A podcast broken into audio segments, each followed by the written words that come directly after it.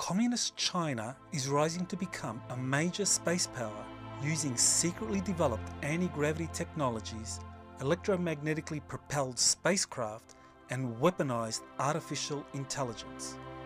But how did China achieve its meteoric rise from a technological backwater into a cutting edge threat in space, ready to challenge US supremacy? China's secret space program actually began over 75 years ago in top secret US Air Force programs working on Nazi flying saucers and retrieved extraterrestrial craft. One brilliant Chinese scientist loyal to the US but targeted in a bizarre FBI operation and deported back to China is the key. Did you know that China has hundreds of mysterious pyramids, including one twice the size of the Great Pyramid in Egypt? These are all off limits to Western scientists. This is because they hold ancient advanced aviation technologies being studied by the Chinese, along with more found in Tibet and the Gobi Desert. By 2030, China's economy will outgrow the US, thereby threatening American values and policies globally and in space. Before this, however, China's asymmetric military strategy will lead to direct confrontations with the newly created US Space Force. Are the US and China destined to clash in a cataclysmic space war? Or will the US and China find a way to cooperate in guiding humanity to become a spacefaring galactic civilization?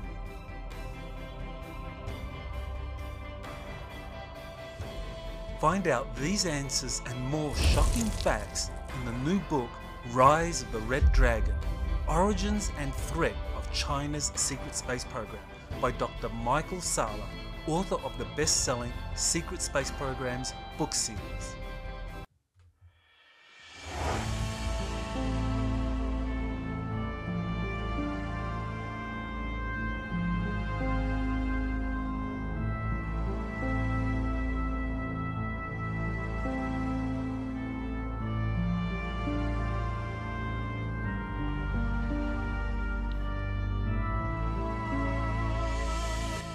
Welkom, beste kijker, Dutch Matrix, illusie van onze realiteit, Alien Program nummer 13 alweer. En het wordt misschien wel eens tijd om weer zo'n aflevering te maken.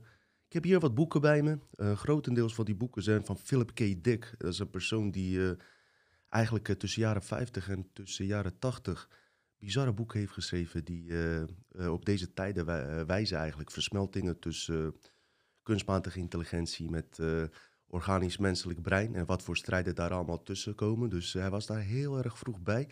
Zijn boeken ga ik in het tweede deel bespreken. Heel interessante vent. Uh, ik heb hier ook een boek uh, bij me van Dr. Michael Salla van de uh, Chinese Secret Space Program. Dat wordt het hoofdonderwerp waar we het over gaan hebben. Chinezen hebben ook een ruimtevaartprogramma natuurlijk, dat kennen we wel.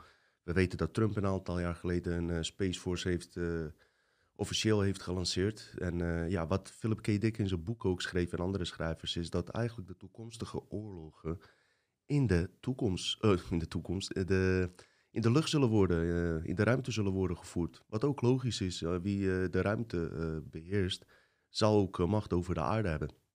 Dus daar zit zeker wat in.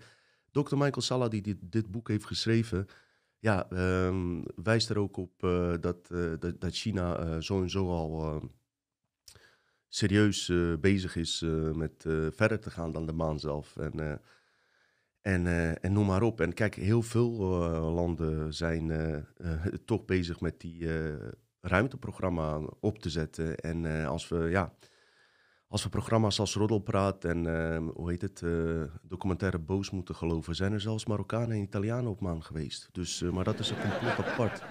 Wij gaan in ieder geval hebben uh, over de Chinese uh, geheime ruimtevaartprogramma. Wat heeft dat voor linken met de operatie Paperclip? En wie is daar vooral bij betrokken? Daar ga ik het gewoon lekker over hebben, mensen. En ik heb er zelf best wel zin in. Trouwens, China heeft ook een, eh, die zijn ook met hologramtechnologieën bezig. Ze, hebben een, eh, ze zijn met een experiment gestart om een holografische maan eh, zeg maar, te plaatsen die eh, de stad, eh, ik weet niet welke stad het is, maar om van verlichting te voorzien. En ze ver- verwachten met, die, eh, met één maan alleen al 173 miljoen aan elektriciteit eh, te besparen. Op een afstand van 500 kilometer staat die maan en geeft echt een eh, verlichting door zonlicht te reflecteren op een bepaalde wijze techniek.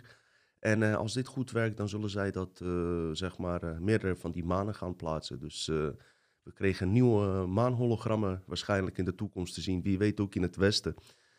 Paperclip. ehm, misschien is het goed om het eh, geheime ruimtevaartprogramma even van begin af aan heel snel even door te nemen voor mensen die hier niks vanaf weten. Of om jouw herinnering even op te frissen. We weten die Tweede Wereldoorlog. eh, Duitse naties die eh, naar Amerika en Rusland zijn gestuurd. Ze hadden ver geavanceerde techniek. dan praten we echt over techniek met supersonische snelheden. ehm Alien-programma's, UFO-programma's. Het is te goed gedocumenteerd om dit te ontkennen. En dit kan gewoon niet worden ontkend. Zoveel getuigen zijn hierover gaan praten door de jaren heen. Afgelopen jaar komen er alleen maar meer en meer naar buiten. Met eh, zeer duidelijk bewijs dat eh, Duitsers echt eh, beschikten over UFO-technologie en zeer geavanceerde kennis. Dat is wat wij weten. En wie weet wat daarachter nog allemaal speelde. Met contacten die met wezen zijn gelegd, pakten die met Draco Reptilian zijn gesloten. Wat niet dienend voor de mens is om eh, zeg maar te, eh, modernste techniek langzaamaan uit te rollen. In ruil voor die techniek eh, ehm, kregen de Draco Reptilian een soort van recht om mensen te ontvoeren en allerlei experimenten met mensen te doen. Dus dat zijn de consequenties die dit soort kabbalistische Majestic 12-achtige eh, groepen hebben buiten de mensheid om hebben besloten voor hun eigen gewin. Het verhaal kennen we wel op een fysiek level, wat hier ook gebeurt natuurlijk, wat we kennen. Maar dit zijn echt diepere, diepere lagen. Dat zijn werelden op zich geworden, zeg maar. Die eh, kabbalistische groepen, dat, ja, weet je, dat eh, zijn zowel Amerikanen als Duitsers, dat, dat zit eh, door elkaar vermengd. Duitsers waren op een gegeven moment op fysiek level zogenaamd verslagen. Zijn ze naar Antarctica gevlucht, waar de Draco's blijkbaar een eigen basis hadden. En ook nog voor eh, de Amerikanen, nee, eh, voor de Duitsers, eh, de nazi-Duitsers, een eh, basis hebben, eh, aan hun hebben gegeven. Al eerder was dat zo. Maar in ieder geval op die basis schijnen ze al eh, naar de maan eh, vanaf daar eh, te zijn geweest. In dacht, jaren 20, 30 wa- was Hitler eigenlijk al op de maan geweest, weet je. En al die complotten, dat, die worden ingeblazen dat, dat ze nooit op de maan zijn geweest en alles, weet je. Ik blijf het nogmaals zeggen, dit soort dingen worden er doorheen gegooid om, om de geheime ruimtevaartprogramma en eh buitenaardse entiteiten die samenwerking te verhullen. En eh, daarom zien we heel veel beelden die inderdaad niet kloppen. En van Stanley Kubrick, nou goed, hebben we het over gehad. Maar eh, de reden daarvoor is, daar ben ik eh, van overtuigd, is om juist grotere programma's te, te verhullen. En eh, al, alsmaar eh, geld te blijven pompen in NASA met hun verouderde apparatuur eh, van computers van 30, 40 jaar oud. En eh, nogmaals, eh, zo duur kost het ook weer niet om naar de maan te gaan. En eh, ze hebben daar miljarden voor nodig. En eh, China die verwacht dat straks heel goedkoop te doen. We hebben Elon Musk die satellieten heeft gestuurd, dacht ik. Er waren ook wat satellieten kapot gegaan. Ik zag een bericht voorbij komen. Wie weet komt het ook van die groepen dat ze gewoon niet willen dat hij daar in die luchtruim zit. Kijk, dat zijn hele ja, diepgaande eh, ruimte, ruimtevaartcomplotten, eh, doofpotten, samenzweringen, waar eh, eigenlijk bijna in de reguliere media niet over wordt gepraat. Maar het is wel een heel belangrijk punt. Ehm, even kijken. ehm, het is een iets dieper level, zeg maar. En eh, die groepen die hebben zich dus helemaal afgezonderd van deze wereld. Toen de Duitsers in Antarctica waren, hebben ze ook een Dark Fleet ontwikkeld. En dat is uiteindelijk een afgezonderde Duitse eh, ja, samenleving geworden. Die in de ruimte dus eh, leeft in schepen met nazi-pakken. Eh, ze hebben kinderen daar, nieuwe generatie voor gebracht. Slaven hebben ze waarschijnlijk ook. En ze schijnen volgens de insiders die ik heb onderzocht, zoals Jason Rice en die eh, William Tompkins, noem maar op, eh, schijnt het gewoon zo te zijn dat die Duitsers die in die ruimte al sinds de Tweede Wereldoorlog in die schepen zitten, ook een tikkeltje arroganter zijn en echt hoogmoed hebben om puur om het feit dat ze over die techniek beschikken. En ze kijken letterlijk op ons neer, want eh, ja, wie zijn wij nou, weet je wel, we weten hier niks vanaf. En zij hebben gewoon volle samenwerkingen met die buitenaardse groepen. En dan kom je meteen tot de volgende vraag. Ehm, wat, wat ik mij dan stel is, ehm, ja, zij zeggen dan er zijn ook positieve groepen die de militaire diensten helpen, Amerikaanse militaire diensten. Maar ik denk zelf dat die beide groepen uiteindelijk niet dienen zijn voor de mens. Dus ook die groepen die zich goed voordoen, uh, vraag ik mij dus weer af waarom gaat het via de, alsnog via de uh, militaire groepen en uh, kabbalistische groepen die al die jaren ehm, misbruik hebben gemaakt van hun kennis, alleen maar geld op hebben verdiend. Waarom zouden die good guys zeg maar, met hun überhaupt gaan samenwerken en niet met ons mensen? Dus ehm, waar Dr. Salah, die dit boek heeft geschreven, Rise of the Red Dragon, um, heeft heel goed fysiek onderzoek gedaan. Dat lees ik. Maar die uh, ascensieprocessen en uh, spirituele dingen waar, uh, waar hij in gelooft, en David Wilco, Corey Good, noem maar op, daar heb ik een andere gedachte over. Maar goed, weet je, we zijn allemaal mensen. En hij heeft een prachtig boek geschreven, dus Rise of the Red Dragon, waar ik globaal wat bladzijden van heb doorgenomen. En het leest lekker. Ik zou je ook zeker aanraden om daar eens even naar te kijken. Maar goed, wat hebben de Chinezen hiermee gemeen? Er is een meneer die heette Dr. Xin Shu Shen. En dat was een um, Chinees die uh, heel erg slim was. We praten nu over de jaren twintig, helemaal terug in China. Hij was zo slim dat hij op een gegeven moment de wedstrijd had gewonnen, een wetenschappelijke wedstrijd. En de prijs was om uh, naar Amerika te kunnen gaan en uh, daar te studeren. En dat deed hij dan ook. En hij studeerde aan de Massachusetts Institute of Technology en het California Institute of Technology. Hij, ehm, ja, hij was een hele belangrijke raketwetenschapper geworden. Een van de, ja, gewoon de beste leerling uh, uit de klas, zeg maar. En hij was ook degene die, um, die uh, eigenlijk NASA heeft, ja, die onderdelen voor NASA ook heeft helpen opbouwen. Ik kan niet iets uit een Amerikaanse rapport van Comité van Veiligheid. Die stelde op een gegeven moment vast. Chin is de ontwerper van China's raketprogramma, merkt het rapport op. De beschuldigingen die hij daarvoor van spionage waar hij van werd beschuldigd bleek waar te zijn. Wat bleek nou? Hij was al uh, uh, zeg maar in Amerikaanse programma's terechtgekomen en ze verdachten hem van spionage. Wegens gebrek aan bewijs werd hij vrijgelaten, wel gedeporteerd naar China.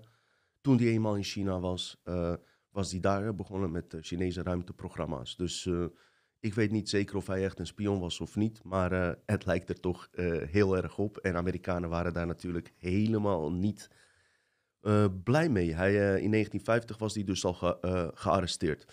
Maar wat is nou zijn rol geweest met operatie Paperclip? Hij, hij had zeg maar um, grote kennis van, ja, van die Air Force, bij de Navy was hij met de technische aandrijving en noem maar op bezig. Maar zijn leraar Theodor von Karman, die was zo van hem onder de indruk. Dat was de leidinggevende daar in, in die Amerikaanse programma's. Hij was van hem onder de indruk dat hij zelfs in zijn eigen biografie over deze Chinees sprak. En uh, hij vertelde erover, het is echt een topleerling. Uh, hij kan door visualisatie kan die de moeilijkste sommen oplossen op een manier die wij Amerikanen niet kennen. ze zijn met tijdreisprogramma's bezig geweest, tijd- en tijdreisprogramma's die ook nog eens volgens mij naar China, die concepten zijn gegaan door hem. Dus eigenlijk aantekeningen doorgestuurd naar China achteraf. Maar de Amerikanen, die vinden dat natuurlijk helemaal, helemaal niet uh, leuk. Maar wat gebeurde er nou? Um, we kennen de operatie Paperclip. 1945 was er ook Operation Lusty, Luftwaffe Science and Technology. Dat was onderdeel van operatie Paperclip. En uh, de, hier werden twee groepen gemaakt, zeg maar. En dit kan je terugvinden in het boek van Graham Simons, genaamd Operation Lusty, The Race of Hitler's Secret Technology.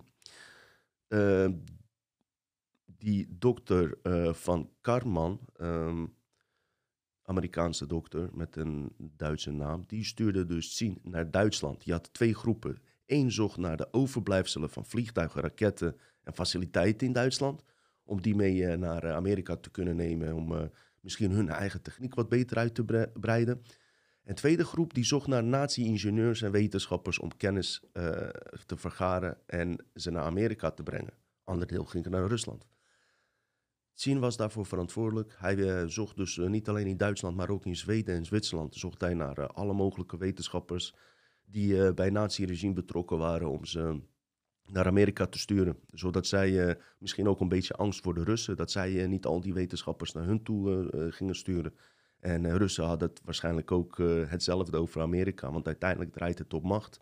We zitten nou eenmaal in een systeem waar dat heel erg belangrijk is. En dat is vandaag de dag nog steeds goed terug te vinden. Nou, Tsin was dus ook de eerste die ehm, contact had gelegd met Dr. Werner van Braun. Nou, die kennen we allemaal wel. Die is verantwoordelijk voor die V2-raket uh, eh, in de Tweede Wereldoorlog. Diezelfde raketprogramma is in Amerika doorgestart, waar ze dan de maanlandingen mee hebben gedaan. En dat bevestigt zelfs de mag magazine genaamd Evasion Week in 2007 hebben ze do, uh, Dr. Tsing, uh, waar ik het nu over heb, hebben ze persoon van het jaar genoemd. En uh, hier stond, niemand wist dat hij een soort spion was eigenlijk, die techniek naar China zou doorgeven. Maar ze bevestigden hier ook dat hij, um, even kijken, dat hij degene was die contact met dokter Van Brown had gelegd. Dat hij diegene was officieel. Dus dat is ook nog eens allemaal na te trekken wat ik nu vertel. Maar er was nog een derde partij waar niemand van wist in die Operation Luftwaffe. Heet het nou zo? Operation Lusty, sorry. Operation Lusty. De derde groep die werd geleid door commandant Colonel William Shelley. Dat is een topgeheime onderdeel van een topgeheime groep die buiten de reguliere media überhaupt wordt vermeld. Dat zijn die eigenlijk hoe die groepen ook uiteindelijk zijn ontstaan, weet je wel. In die, in de, door de jaren heen tot tijd van nu zijn het gewoon bijna afgezonderde werelden geworden. Die, eh, die steeds minder te maken hebben met, met de gewone aardse mensen. Ik weet niet of je die film um, Independence Day herinnert met Will Smith. Dat hij op een gegeven moment in die ondergrondse faciliteit komt.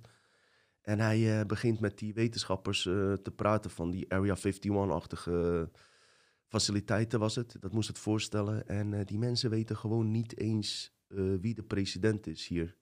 Um, wat er allemaal gebeurt. Misschien weten ze niet eens dat er een virus was, ik noem maar wat op. Omdat ze of ondergronds of buiten de aarde in geheime programma's werken. Het is zo gedocumenteerd. Er zijn zoveel um, klokkenluiders onderhand naar buiten getreden die ik niet eens heb behandeld in onze podcasten. Dat dit echt een, echt een ja, geen science fiction is, maar gewoon een, iets feitelijks. En dat is heel bijzonder. Heel bijzonder om te ontdekken dat we eigenlijk in een soort science fiction film leven. Ik vind het alleen maar mooi. Op dit moment is het niet positief voor mensen uitgepakt. Maar ehm, daar gaan wij natuurlijk een verandering in brengen.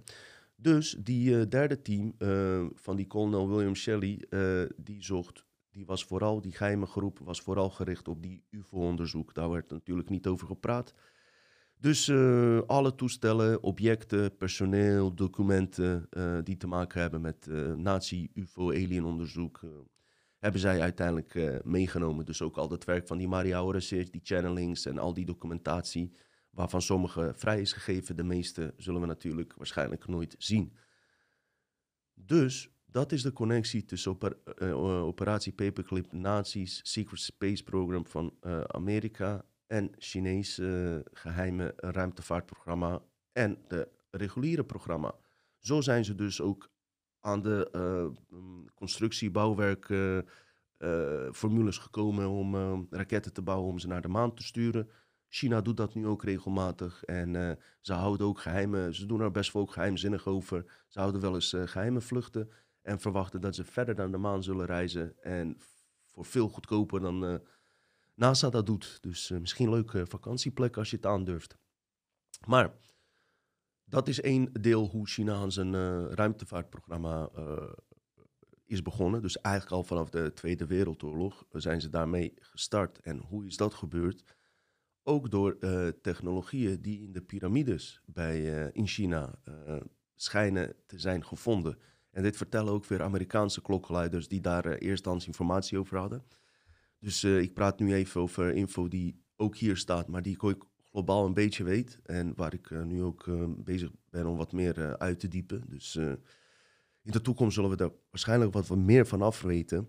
Het schijnt dat China, en dat heb ik voor het eerst van Semir Osmanovic een aantal jaar geleden gehoord, dat China een gigantisch, heel veel piramides heeft, maar ook één gigantisch grote piramide die twee keer zo groot is als de grootste piramide in, in Egypte. Um, in 1912, een Amerikaanse businessman, Fred Meyer, Schreuder, ontdekte, dat, uh, ontdekte de Shanxi-pyramide. Shanxi heette ze. In China. Hij schreef dat in zijn boek. Uh, dat boek ging niet over piramides, maar tussendoor vertelde hij hierover. Hij vertelde dat ze van 300 tot 350 meter hoog waren. Twee keer zo, dus zo groot als de grootste piramide en in Egypte. 5000 jaar oud. Dat is bizar. En wat, nog, wat het nog bizarder maakt is dat, het, uh, dat ze in de Sumerische kleitabletten uh, werden vermeld. Die komen 3.500 jaar voor Christus, uh, dacht ik. En zelfs in die Sumerische kleitabletten worden ze als oude piramides genoemd. Dus het is wel iets wat, wat de Chinezen wel kunnen blijven ontkennen. En de Amerikanen, die Amerikaanse soldaten toen der tijd, die daar overheen vlogen, heb ik het straks nog over zeggen van Waarom ontkent China zoiets groots, zoiets moois? Daar zou je eigenlijk trots op moeten zijn, weet je wel. Nee hoor, China die uh, ontkent volledig het bestaan van deze piramides tot de dag van vandaag. Mogen er geen archeologen komen, niet alleen archeologen uit het westen of uh, andere landen, maar zelfs de Chinese archeologen mogen daar niks uh, uitzoeken. Hoe weten we dat die piramide waarschijnlijk wel degelijk bestaat? Dit is de tweede referentie naar die piramide. Is een US Air Force piloot James Gaussman. En hij heeft in 1945 vloog hij over de Chinese luchtruim en zag in zijn eigen woorden gigantische witte piramides. alsof ze uit een sprookje kwamen. Ze glommen en het leek wel van metaal gemaakt. Hij had een foto gemaakt, die is nooit geopenbaard, maar die schijnen wel bij de geheime diensten van Amerika te zijn, militaire diensten. Twee jaar later, um, een andere piloot uh, zag hetzelfde. Die vloog ook daarboven. En hij zei onder andere, dit was 1947, ik begrijp niet dat zoiets gigantisch groots niet bekend is bij de meeste mensen op de wereld. Hij was er zeer van onder de indruk. En hij maakte ook een foto en die hebben we wel. Maar het vage is dat zijn foto geen top van de piramide bevat. En het is exact dezelfde piramide die zijn collega twee jaar daarvoor had gemaakt, met de top erop. En het is, uh, zeg maar, ze hebben de coördinaten berekend, alles, en, het gaat om dezelfde piramide. Dus dat is ook een mysterie van hoe kan het dat in twee jaar tijd ineens de uh, driehoekige top van die uh, piramide is verdwenen. Dus dat is ook nog eens een mysterie. En eh, de Chinese overheid bleef maar ontkennen, onlangs dat de Amerikanen satellietfoto's hadden en in New York Times 1947 daar foto's van openbaar hebben gesteld. Um, wat de Amerikanen zeggen van die uh, geheime projecten, is dat, um, dat China um, al die tijd in die piramides uh, zeer geavanceerde techniek heeft gevonden. En dan praten we echt over UFO-technologie en weet je, formules om buitenaards uh, schepen te maken, onderdelen, daarvan te analyseren al die tijd en dat te implementeren in hun geheime ruimtevaartprogramma. In dit boek heeft een, de heer genaamd Hausdorff, die uit die kring een beetje komt van militaire complexen. Um, hij beweert dat Chinezen dus die technologie van ja, buitenaards oorsprong um, ze doen er alles aan om dat verborgen te houden, dat Westen daar niet achter komt en dat zij daar ook niet gaan graven op een of andere manier, zodat zij ook uh, over die techniek uh, zeg maar beschikken. Want alles draait om concurrentiestrijd natuurlijk. Nou, daar hebben we nog een tweede uh, connectie met de piramide. Um, dat zijn de geschriften. En in oude Chinese geschriften ja, staat er dat letterlijk praten ze over vliegende schijven en de toenmalige keizers, die vlogen over, uh, ja, over het luchtruim in die schijven. En ze kregen deze geavanceerde techniek van een mysterieuze groep genaamd de Birdmen. En zij komen uit de Kunlun-bergen die uit, en stammen af van Tibet. Ja? Uh, ze, ga, ze, gaven deze kennis, dus deze uh, wezens, geavanceerde wezens, gaven deze kennis aan een selectief groepje mensen, de elite mensen en keizers, waar ik het net over had, die er overheen vlogen als het ware.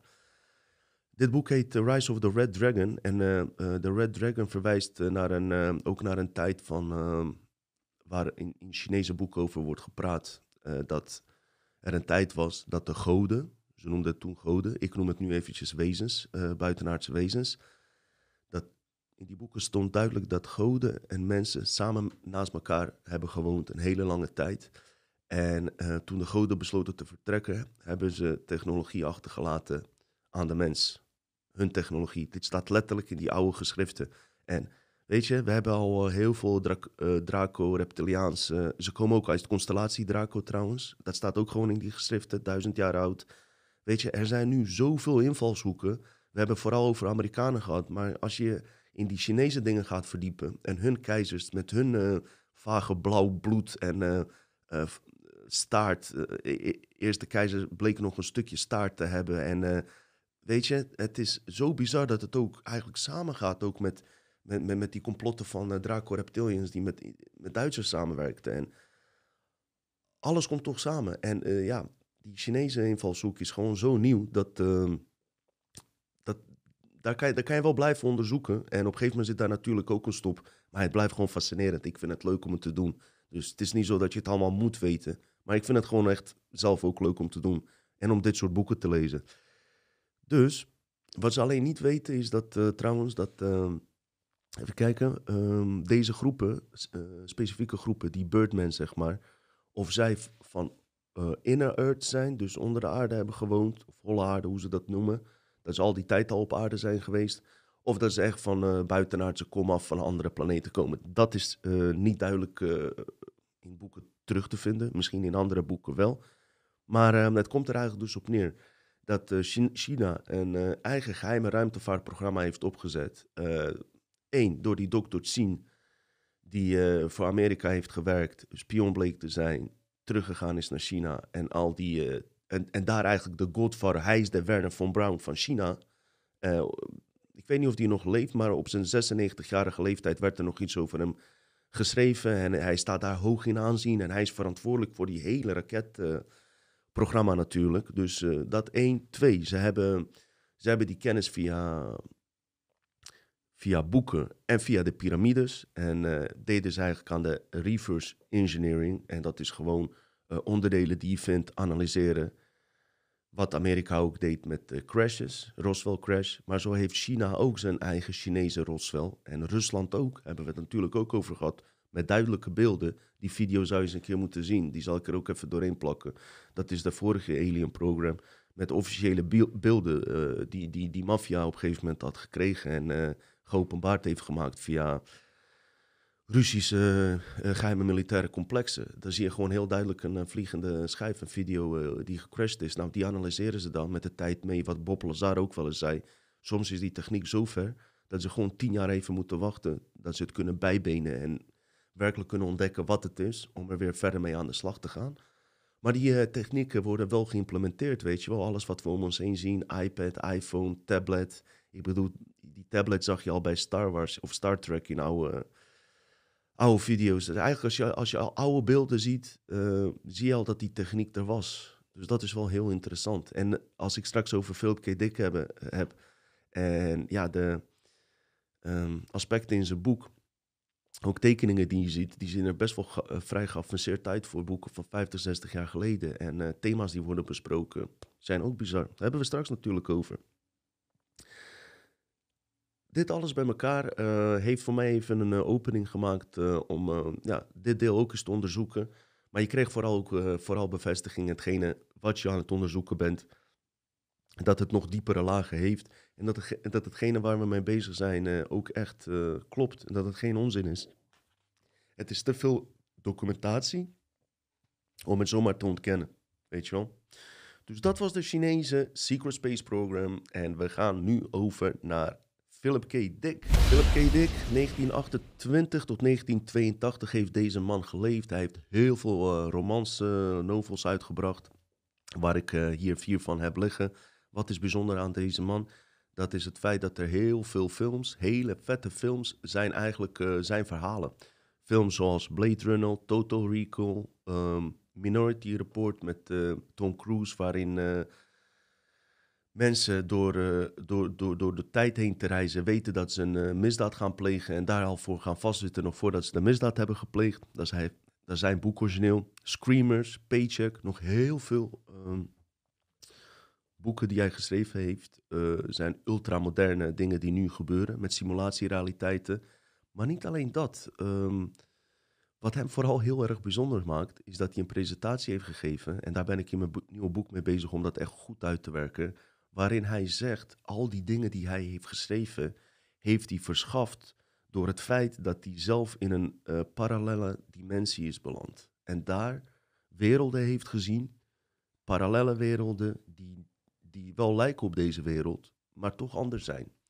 En ik ga je een goede voorbeeld geven. Ik ben nu uh, bezig met uh, The Man in the High Castle op aanraden van Ersan. Om Amazon Prime ben ik die aan het kijken. En dat is ook zijn, zijn boek, zeg maar. Dat is dit boek hier. Daar hebben ze dus een serie van gemaakt. En in die serie is er een wereld, een, een parallele wereld. Tenminste, parallel, de officiële wereld. Maar in die wereld hebben de nazi's de oorlog gewonnen. En de Japanners de Tweede Wereldoorlog. En je ziet dat Amerika in twee is opgedeeld. West Coast is van Japan. East Coast New York is van Duitsers. En eigenlijk hebben ze ja, hun world order, uh, hun ja, wens hoe de wereld eruit zou moeten zien, doorgezet. En heel interessant om te kijken. Ik vind de serie onwijs goed. Het is wel een beetje langdradig. Ik had wel wat meer interdimensionale effecten willen zien en alles. Tot heden nog niet gezien. Maar de acteurs spelen goed en het is onwijs goed. Maar hoe komt hij dus op dat verhaal? Hij zegt dat hij zelf in die andere realiteit is geweest en dat er een realiteit inderdaad bestaat dat Duitsers de oorlog hebben gewonnen. In mijn boek ga ik daarop verder. En waarom maakt het extra interessant is als je kijkt naar Montauk Project, tijdreisexperiment, dan ontdek je dat dat ook de paperclip Duitsers waar we het net over hadden, die aan Secret Space Program hebben gewerkt, dat ze dat deel van hun naar Long Island is gegaan, daar een project hebben opgezet van tijdreizen, wat ook eigenlijk van nazi's uh, komt. En um, Peter Moon en even kijken, hoe heet die andere man van Montauk Project? Het is verschrikkelijk dat ik gewoon zijn naam uh, kwijt, uh, kwijt ben. Ik zal hem doorheen plakken met zijn naam erbij. Hele interessante fan waar de serie Stranger Things uh, uit is voortgekomen. Preston Nichols heet hij. Preston Nichols, ja. Die vertelt in zijn boeken dat die Montauk Project een tijdreisexperiment is geweest om terug de tijd in te gaan, omdat in de originele realiteit, of in een van de realiteiten, de nazi's hadden gewonnen. En de Amerikanen door middel van tijdreizen uh, dat, dat event wilden veranderen en dat zij de winnaar uh, bleken te zijn. En als je dat dan linkt met Philip K. Dick, die hier niks mee te maken heeft gehad, en dit, dit nog eigenlijk uh, via zijn invalshoek, wat hij beweerde dat hij heeft meegemaakt, kom je tot, uh, tot dezelfde conclusie dat er een wereld bestaat dus die, uh, waar, waar, de Duitsers uh, hebben gewonnen. En die Montauk Project zou daar een hele belangrijke, even kijken, wat zij vertelde, onder andere een, een, groot aspect zou dat zijn, verandering van tijdlijnen, waar ook groepen als Men in Black worden ingezet. En dat zijn groepen die tijdlijnen ombuigen, die terug de tijd ingaan. Dat zijn de officiële echte Men in Black om, uh, om, om een verleden uh, aan te passen. En dat heb ik ook van verschillende mensen gehoord. En uh, dat zijn bizarre dingen, omdat ik ook volgens mij bij Man in Black 3 of 4 gaan ze ook door de tijd reizen. In die film zelf met Will Smith. Ik weet niet of Will Smith er eigenlijk op die derde, vierde speelt.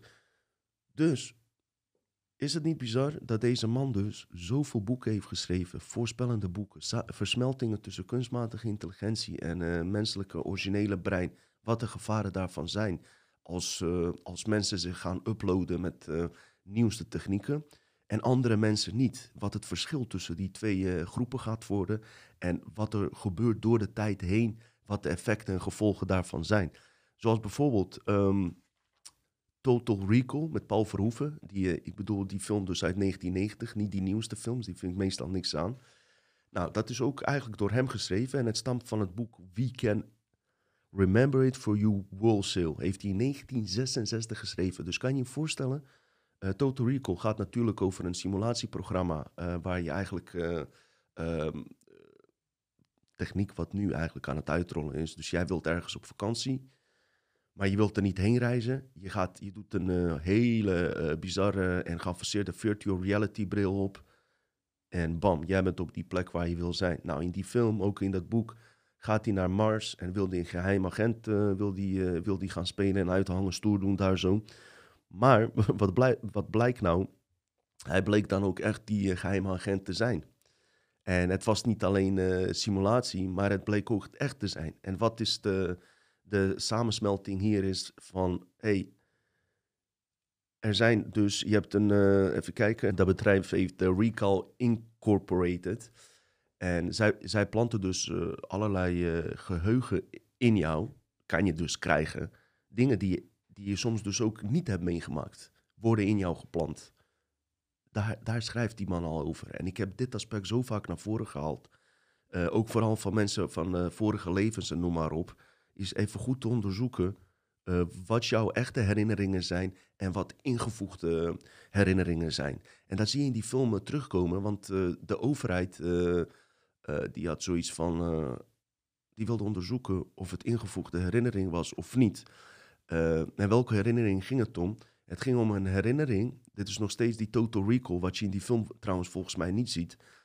Was er een buitenaardse beschaving, wilde eigenlijk de aarde gaan aanvallen, invasie plegen. En zij kwamen met die man, de hoofdrolspeler, laten we zeggen Arnold Schwarzenegger toen die klein was. Ja. Douglas Quayle heet hij in, in het boek. Kwamen ze in contact toen hij een kind was. En ze kregen zo mede, ja, medelijden met dat kind. Ze vonden hem zo leuk, die buitenaardse wezens, dat ze maar besloten om hun invasie uit te stellen totdat het kind niet meer op aarde was en dan alsnog te doen. Want ze mochten dat kindje graag. Globaal gezien, in dat boek wordt dat beschreven. Ik moet die boeken trouwens nog lezen, dus ik, ik vertel het ook eventjes globaal. Ik heb er even doorheen gebladerd. Maar de overheid gaat dus in zijn brein kijken en ontdekt dat dit geen van ingevoegde uh, simulatie is, weet je wel. Maar dat dit echt is gebeurd op een fysiek level, dus geen simulatie. Dit, dit bleek echt gebeurd te zijn. En de overheid scheidt in, uh, in hun broek. Dus ik ben benieuwd naar dit boek, heel interessant. Andere boek wat ik hier heb liggen is De Simularca. En als jullie de Matrix-film, die Rabbit Hole scène kennen nog, Matrix 1, op een gegeven moment wordt bij hem aangebeld komt dat groepje uh, een beetje gothic mensen. En uh, een van die meisjes heeft een uh, konijn getatoeëerd. Was het nou op haar rug of op haar nek, weet ik even niet. Niolo dacht ik weer naar binnen. En in een flits zie je dit boek, De Simularca. Ook geschreven door Philip K. Dick, 1964. En wat blijkt daaruit? Daar blijkt in dit boek, vertelt hij, ondanks dat het bijna 50 jaar oud is, precies de wereld waar we nu naartoe aan het gaan zijn. Totale machtsstructuur.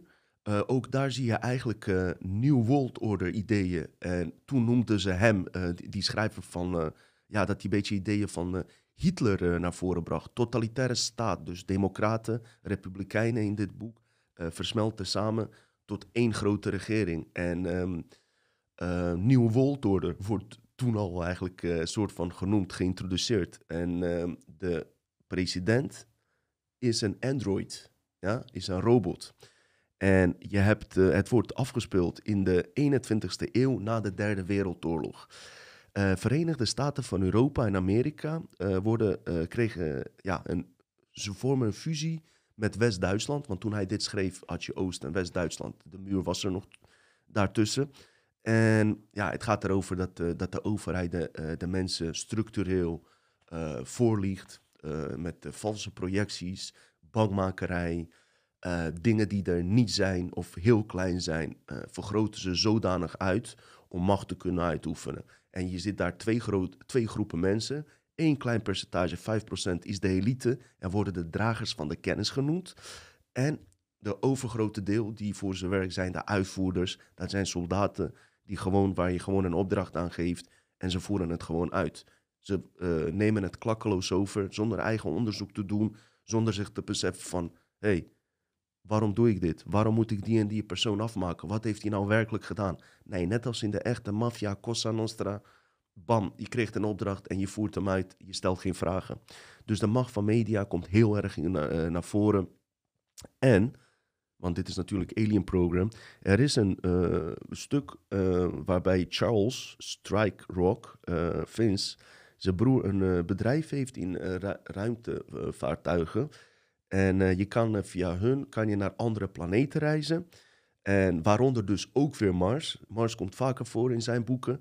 En, want op Mars zitten insectachtige wezens, zeg maar die bewustzijn en empathisch vermogen hebben. Op andere planeten is dat wel anders. En heel veel mensen willen daarheen reizen. Dus die plot komt erin terug, buiten naar het leven. Ook in dit boek. Um, nou, die uh, derde boek wat ik wil be bespreken, even globaal hoor, we zijn er bijna, heet Our, Our Friends from Frolix 8. Dit boek is in 1970 geschreven en laat ook weer de toekomstige wereld zien uit de 22e eeuw, hoe die uitkomt te zien. En geloof me, wat die man omschrijft is gewoon eng. Je hoeft alleen maar om je heen te kijken met, uh, met technieken die we nu pas zien. Uh, terwijl dit boek 50, sommige, sommige boeken van hem zijn bijna 60 jaar oud.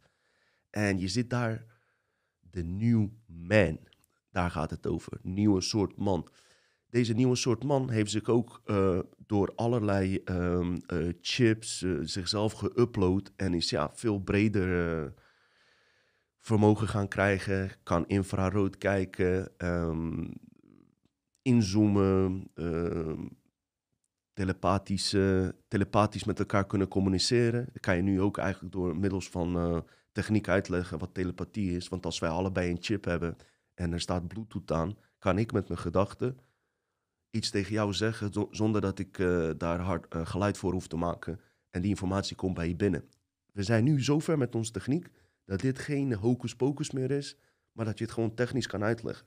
Deze man legt dit ook allemaal uit. Waarom? Omdat hij die informatie, wat hij zelf ook zei, werkelijk waar kreeg vanuit uh, de, de ja, dimensie uh, waar, waar hij uh, in was beland. En weet je wat we misschien kunnen doen? Misschien zou ik toch nog, we hebben hem al een keer eerder laten zien, maar misschien even een stukje invoegen uh, van die speech van hem, waar hij ook onder andere over Matrix praat en alles. We hebben het al een keer eerder gedaan. Dat was de vijfde, zesde aflevering. Veel van jullie hebben dat gezien.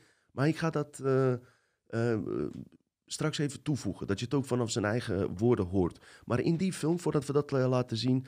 Um, heb je dus twee groepen mensen dus die er niet voor hebben gekozen om vaccinatie te nemen en hun lichaam aan te passen. Hè? Als je naar tijd van nu vertaalt en zich in die uh, Human Genome Project met die, uh, met die programma's uh, mee laten slepen. Hè? Dus die virtual reality of die avatar projects waarbij je een holografisch duplicaat van jezelf hebt. En dat je met die wereld vooral gaat connecten. Nou, meeste mensen gaan dat doen, dat weten we. En, maar sommigen dus ook niet. Dat zijn wij vooral, mensen die, die dit doorzien. En er komt natuurlijk spanning tussen die mensen. Maar ja, die, diegenen die geüpload zijn, die hebben natuurlijk ook meer vermogens. Hè? Dus die kunnen die, ja, die hebben meer macht als het ware.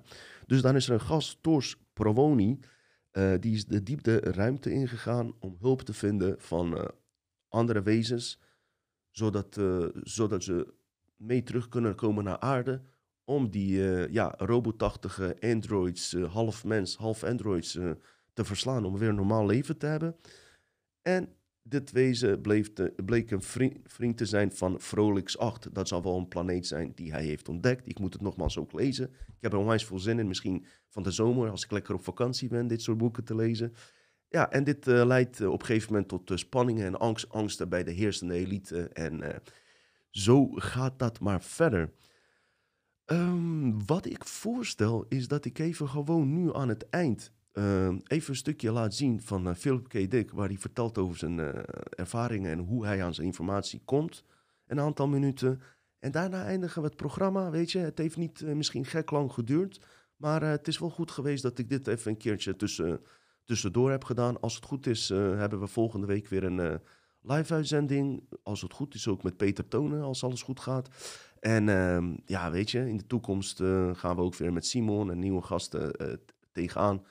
Dus nu hebben we wel even twee weken achter elkaar uitgezonden. Soms gebeurt er dat er even een weekje tussen zit. Zoals jullie weten, met schrijven en andere werkzaamheden ben ik bezig. Ik ben ook benieuwd best wel naar ehm, wat er eigenlijk gaat gebeuren in de toekomst. Nu alles weer een beetje open is. Ze, ze proberen nu natuurlijk via Oekraïne en Rusland-verhaal ons in een nieuwe film te zetten. Ik zou dit zeker blijven volgen, ook wat daar gebeurt. Maar ga niet in die film mee. Een angstscenario zou ik je aanraden. Ik doe dat zelf ook niet. Ehm, maar ik ben wel benieuwd. We hebben ooit een keer een poll gedaan. Van, uh, stel je voor dat alles weer open gaat en uh, die, die, die QR-codes verdwijnen. Misschien komen ze wel weer terug volgend jaar, weten we niet. Die 2G-samenleving. Misschien gaan ze doordrukken. Misschien op een andere manier. Maar in ieder geval, de vraag was Stel je voor dat alles weer normaal wordt, tussen aanhalingstekens zoals twee, drie jaar geleden. Stop je dan met je levensonderzoek? Stop je dan met het onderzoeken van samenzweringen en complotten? En het resultaat was dat 25% van de mensen zeiden: ja, wij stoppen hier, uh, wij stoppen hier uh, in dit geval mee, want we zijn tevreden van over hetgene van het leven van twee, drie jaar geleden. Maar de meeste mensen uh, weten ook wel dat, dat wij eigenlijk al nooit echt een echte vrijheid hebben gekend. 10, 15 jaar geleden was het ook niet goed. In mijn belevenis na 9-11 is het gewoon steeds. Nadat, nadat we eigenlijk de euro in euro hebben gekregen, in mijn optiek, is het alleen maar achteruit aan het gaan. En um, in die zin ga, ga ik zelf zeker niet tevreden zijn met, met het feit dat alles weer open is. Dat ik weer blij moet zijn dat ik ergens kan gaan eten. Vind ik hartstikke leuk, tuurlijk. Maar dat is niet, dus niet voldoende voor mij. En ik denk dat jullie als kijkers um, ons zullen blijven volgen. Maar ik verwacht wel, als alles weer zogenaamd normaal wordt, dat die ja, andere podcastzenders of mensen die, die.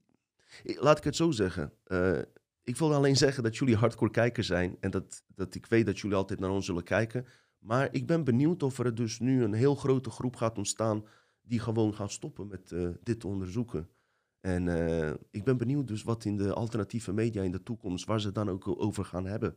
Want uh, ze zijn vooral ja, bezig met, met corona geweest, COVID. Maar als die straks overwaait, door deze harde wind ook die we hebben gehad, hebben ze überhaupt wat te melden? Ik zou het juist leuk vinden en ik zou ze zeker aanraden om niet te gaan stoppen. Maar om juist om even te draaien naar dit kant, weet je, dit level. Weet je, wat meer matrixachtige dingen. Um, hoe kan, is het niet onwijs interessant, hoe kan deze man waar ik het nu over ga hebben, die ik straks ga laten zien, informatie verkrijgen door die andere realiteiten te raken en hier boeken over gaan schrijven. Weet je, hij heeft het in romanvorm gedaan omdat je toen hier ja, niet normaal over kon praten. Je zit ook, als hij het hier vertelt straks, dat sommige mensen hem ook uitlachen en niet geloven. Maar als jij die boeken nu leest, is dat niet bizar? Is dat niet bijzonder? Wat zijn dat voor werelden? Wat zijn de diepere lagen die ons manipuleren? Wat zijn de diepere lagen die ons willen helpen en assisteren? Weet je? Uh, zat onderwerpen. Dus ik hoop dat die collega's uh, gewoon door blijven gaan met de podcasten. En misschien wat uh, jullie zullen moeten gaan draaien. Weet je? Want ik, ik zou het niet, niks aan vinden als iedereen nu zich elke podcast alleen maar op Oekraïne focust. En, en die, ja, weet je, de focus daar alleen op zet. hey, dit is mijn mening alleen hoor. Je moet zelf weten. Maar ik zou wel leuk vinden dat iedereen gewoon doorgaat. Um, met hetgene waar hij mee bezig is. Maar alleen dat onderwerp misschien iets draait, waardoor we wat bredere inzicht kunnen krijgen op allerlei vlakken, zoals de geheime ruimtevaartprogramma, maar vooral ook om die onzichtbare werelden, die parallele werelden die bestaan. Het schijnt zo te zijn dat er acht verschillende versies zijn van, uh, van parallele werelden. Er is één originele versie van de designers, zeg maar, die de oorspronkelijke universum hebben gemaakt. Positieve wezens voor hun experiment, omdat ze zelf in een bewustzijnval zijn geraakt. Hebben ze een experiment uitgezet door klonen uit te zaaien. Zij hebben die klonen neergezet. En die klonen, uh, ze wachten dat die klonen uh, op een gegeven moment, met kloonmensen bedoel ik gewoon robotmensen, biologisch lichaam, zit eruit zoals wij, maar niet bezield. Ja? Kunstmatig bewustzijn. En ze wilden die, uh, dat die mensen zelf gingen ontdekken dat er meer is in het universum dan alleen zijzelf, zeg maar. Dat er nog, nog meer werelden zijn. En die, bij die ontdekking zouden er bepaalde codes aan moeten gaan. Maar dan kreeg je die goddelijke vonk als het ware. En die vonk hadden die experimenthouders nodig, omdat ze die kwijt waren door kunstmatige intelligentie. Eigenlijk wat met Darth Vader is gebeurd in Star Wars. Dat is een mooie, hele mooie vergelijking met de originele designers. Die zijn in verval geraakt en uh, ze weten niet eens meer zelf hoe ze moeten sterven. Uh, de manier van voortplanten is ook door telkens nieuwe kloonlichamen te maken en zich daarin te verplaatsen. Maar wat zij eigenlijk willen is hun broncodes terugkrijgen, zodat ze terug naar de bron kunnen. En ja, dat is een, uh, Het is een kosmisch opera, saga verhaal. En eh, ik ben daar ook een stukje aan het over schrijven. Onder andere dat door. Want het is meer, dat is meer Martijn van Staveren ding. Heeft hij heel uitgebreid over verteld. Hij heeft hij ook uh, een apart boek. Heb je daar, heb ik al eerder verteld. Op Telegram kan je hem downloaden. De Dutch Matrix Telegram. De originele designers van ons universum. Waar hij uit verschillende lezingen daar dingen over vertelt. Hebben ze heel mooi bij elkaar gevoegd. En het is een super bizar verhaal, dat verzin je niet. En weet je, als Martijn dit soort dingen zegt nu, heel veel, uh, ja, heel veel valt mee. Steeds meer mensen zijn er wel voor open. Maar toch, sommige mensen uh, kunnen het niet hebben dat hij uh, meer weet, lijkt het wel. En hun theorieën onbedoeld neerhaalt, weet je wel. Dan, dan, dan is die maar dit, dan is het maar een... kunnen ze van alles wel bedenken. Maar als jij aandacht geeft aan, aan informatie die hij te verschaffen heeft... en ontdekt hoe diep en hoe gedetailleerd dit wordt uitgelegd. Ik heb die man de meest moeilijke vragen zelf direct gesteld. Als jij een boek leest, jij weet niet wie dat boek heeft gelezen. Jij kan die boek geen vraag en uh, uh, geen antwoord terugkrijgen. Ik heb bij Martijn, uh, alles wat ik wilde weten, stelde ik direct een vraag. En ik kreeg daar direct antwoord op. Iemand die dingen verzint of fantaseert, kan niet zo snel antwoorden. Geloof mij maar, daar moet hij echt lang over nadenken. En de antwoord die je krijgt, is een totaal ander antwoord dan dat, dat je zou verwachten. En dat maakt het gewoon sterk. Goed, ehm, wat mij betreft uh, is het wel een, uh, een, mooie, snelle, korte aflevering geweest. Jullie gaan de video zien van Philip K. Dick. Daarna eindigen we de uitzending. En jullie zien ons als het goed is, als alles verloopt volgens plan. Ik wil niks meer plannen, maar als alles verloopt uh, volgens plan, dan zijn we dus aanstaande vrijdag live met Peter Tonen en Ersan uiteraard erbij. En uh, gaan we weer een leuke avond van maken, joh. Ik heb er zin in in ieder geval. Hey, groetjes. I in my stories and novels often write about counterfeit worlds, semi-real worlds, as well as deranged private worlds, inhabited often by just one person, while meantime the other characters either remain in their own worlds throughout or are somehow drawn into one of the peculiar ones. This theme occurs in the corpus of my 27 years of writing. At no time did I have a theoretical or conscious explanation for my preoccupation with these pluriform pseudo-worlds, but now I think I understand. What I was sensing was the manifold of partially actualized realities lying tangent to what evidently is the most actualized one, the one which the majority of us, by consensus gentium, agree on. You are free to believe me or to disbelieve, but please take my word on it that I am not joking. This is very serious, a matter of importance. We are living in a computer programmed reality, and the only clue we have to it is when some variable is changed and some alteration in our reality occurs. We would have the overwhelming impression that we were reliving the present, deja vu perhaps in precisely the same way, hearing the same words, saying the same words, I submit that these impressions are valid and significant. And I will even say this, such an impression is a clue that at some past time point, a variable was changed, reprogrammed as it were, and that because of this, an alternative world branched off. It's a common theme in my writing that a dark-haired girl shows up at the door of the protagonist and tells him that his world is delusional, that there's something false about it.